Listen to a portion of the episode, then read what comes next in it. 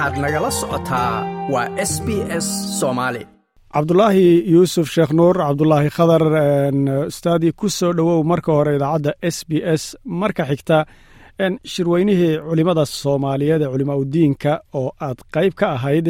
ayaa isagu soo gabagaboobay. Marka su'aasha maxaa shirkaasi uu ku soo kordhin karaa saaxada soomaaliyeed? Intaaad ka og tahay ama dareenkaaga saaxada soomaaliyeed oo iska og tahay duruufaheeda bismi illaahi raxmaan raxiim alxamdulilahi rabbi alcaalamiin wasalaatu wasalaamu calaa rasuuli illah sala allahu aleyh wasalama doctor mother waa ku salaame adiga iyo maxay ahayd howlwadeenada guud ahaan iyo wariyaasha ka howlgalo iyo guud ahaan dhegeystayaasha idaacaddan. Aada iyo aadaan ugu faraxsannahay inaan ku kulano halkan. Tan labaad su'aasha aad weydiisay runtii shirkii culimada soomaaliyeed ee soo gabagaboobay maxay ahaato abaabulkiisa iyo jihayntiisi xoogan loo galay oo iska kaashadeen maxay ahaato dowladda soomaaliyeed haddii ahaa laheyd golayaasheeda rasmiga ah waxay ahayd runtii culimada soomaaliyed qeyb xoogle ay ka ahaayeen.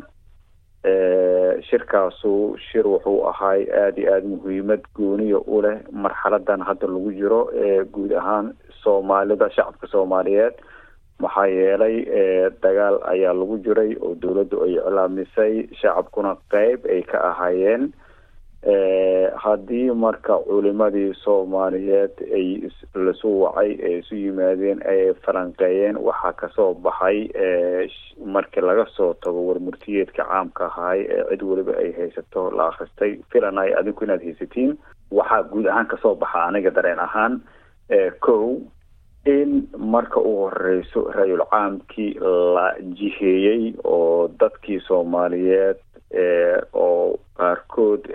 si gooniya shaki ugu jireen. Waxaanu amaysan diinta amba culimadu shaqo ku lahayn waxa u caddaatay culimadii inay maxay ahaato arrinkaas ay qeyb ay ka yihiin. Weliba si geesinimo leh oo maxay ahaato aada u cadcad ay ugu caddeeyeen sida ay tahay sharci ahaan mas'alada ku saabsan howlaha lagu dhex jiro hadda taasu waa qeyb qeybta labaad waxay ahayd in culimo soomaaliyeed oo kalaradooda kala duwan yihiin oo mashaaribtooda ay kala duwan tahay oo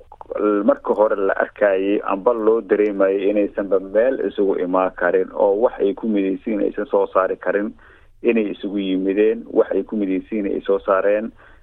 oraaxdooda ku wajahan waxa socdana ee mid ay ahayd ayaduna waxay ahayd wax la ammaani karo oo aada iyo aada loogu farxa ayay ahayd qeybta saddexaad waxaan dhigi karaa xilligan hadda lagu jiro iyo shirka culimadu ayado lafteeda wuxuu dhabaha uu xaaraayey amba gogol xaar uu ahaay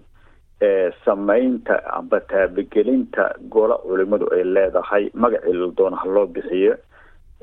golahaasuna uu ugu muhiim ay noqon doonto hay'addii amba guddigii fatwada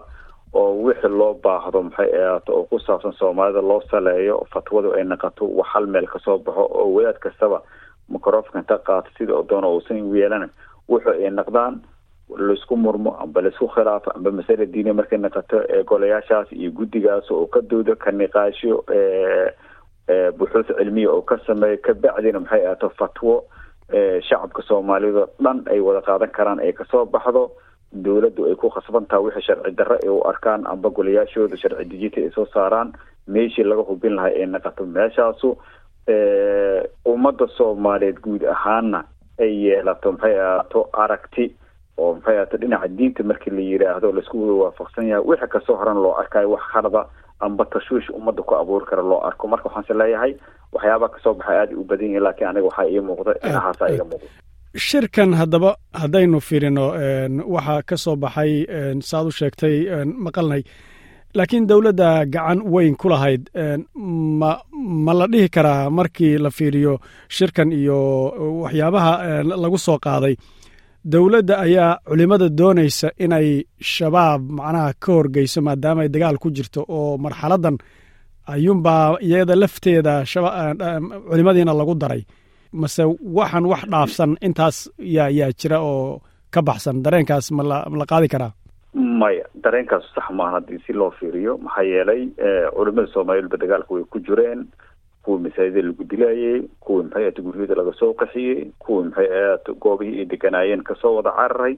kuwii maalin kastaba maxay ahata ayaga la bacsanayo gudaha kuwii joogo. Marka taas lama dhigi karo culimadu marka horeba dagaalka waa ku jireen laakiin waxaa meesha ku soo biiray in dowladdii oo mas'uuliyadda saarna ay ahayd dalka iyo dadka iyo diinta iyo dhulka intaba inay ilaaliso oo guud ahaan waxyaabaha masaalixda ummadda dowladda ayaa laga rabaa inay ilaaliso ayadia maxay ato qaabeysay gogashana fidisa intaas kama badnaa karto laakiin gogasha wixii ka soo baxay iyo gogasha kabacdi wixii imaan doono waa wax culimadu iska leeyihiin madax banaan yihiin la rabo wadankan in lagu qaabeeyo sida golayaasha kaleetaba in loo qaabeeyo la rabo oo ka madax banaan maxay ata dowladda. Laakiin dowladdu runtii waa mas'uuliyad adagaa ka saarneed arrimaha noocaana oo ximaayatu diin waxaan is leeyahay ilaalintii diinka. Waa qeyb kamida mas'uuliyaadka dowladda saaran ay unan dhaarato weliba madaxweynuhu u dhaarta ayaan is leeyahay. Marka dowladdu shaqo ay ka gaabisay amba ay ka soo daahday amba duruufta u ogolaa weysay marxaladan ka hor inay qabatay ayaad maxaata moodaa inay qabatay ayadoo ku ammaanan. Laakiin shakiga ah waxaan dowladda wadato waxa waaye waa waxyaabaha la rabo maxay ahaato dadka in tashwiish lagu geliyo wax hadda dowladdu way wada kartaa wayna ku mahadsantaha wax wanaagsan. Dee wadato wax wanaagsan dee wadaagsanna waxaa la dhihi karaa culimmadu ay leeyihiin maya laakiin shaqada culimadu hadda ay hayso qaba doonto loo ballansan yahay waa wax ay u madax banaan yihiin oo ay ku doonayaan maxay ahaato arrimahaas maxay ahaato diinta wixii la xiriiriyo fiqiba inay ku hagaajiyaan. Gartay gartay. Haddaan taa intaa ku dhaafno hadda aan hadalkaaga raacno oo ay culimmadu wax gaara iyagu ay u madaxay bannaan yihiin wataan maxaa shirkan ka soo baxay? Marka laga reebo bayaankii la soo saaray warmurtiyeedkii ka soo baxay shirkan marka kadib maxaa dadka soomaaliyeed ay filayaan? Culimmadu ma wasaaradda awqaafta iyo diintu bay hoos imanayaan oo kolba dowladda dhan wadi mase wax gaara oo dhisan oo gaara oo madax bannaan oo kale ayaa soo socda wa wa waa sax waayey wasaaradda iyo dowladda guud ahaan guddiyada uu xil saartay intaba qayb ayay ka noqonayaan maxay ahaato iosheeg tasiilaadka unbay leeyihiin. Laakiin wixi hadda kabacdi la samayn doono iyo golayaasha golaha culimada la samayn doono waa wax culimada ka soo baxay oo ayaga dhexdooda inta ka niqaashaan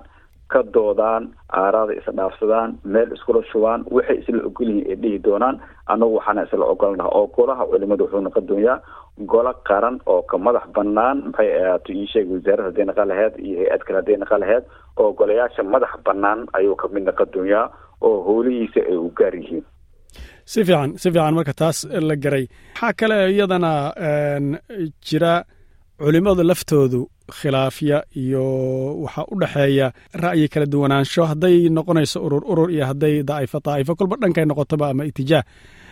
arrintaas sideed ooga gudubteen kulanka markii la qabanayey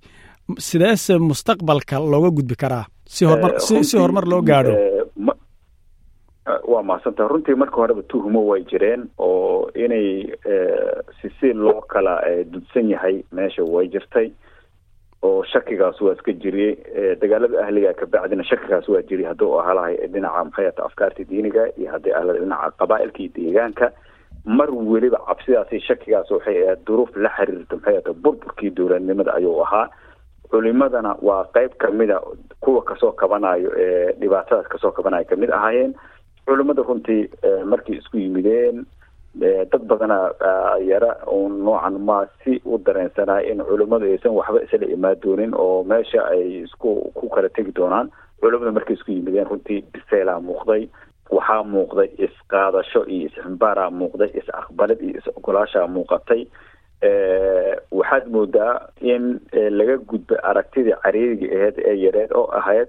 qof kastaba waxa ayada faraqeeda ku jiro waa in lala ogolaadaa oo lagu soo biiraa ayada haddii aan lagu soo biirinna aysan waxba soconeyn marka culimadii hadda meesha badankeeda joogtay waxyaabihii aan ka dareem waxaa ka mid ahayd in biseyl adag uu jiriyey oo la yiri wixii naga dhexeeya ee guud aan maxay isla wada qaadano waxyaabaha yaryarkaa oo khilaafaadkaa amba maxay farciyaadka ah haddii ahaa lahayeen fiqi iyo haddii caqiide ahaa lahayeen ee naga dhexeeyana maxay ahata qole kastaba waxeeda yarka ah hoosa u dhigato laakiin wax naga wada dhexeeyo oo shacabka soomaaliyeedna maxay ata maslaxadiisa guud ay ku jirto aan isla wada qaadano taas ayayna aragtidu u badneed ayadaasa soo kor martay ayadaasaa wax lagu bineeyey ayadaasaa wax lagu dhisi doonaa mustaqbalkana haddii alla yidhaahdo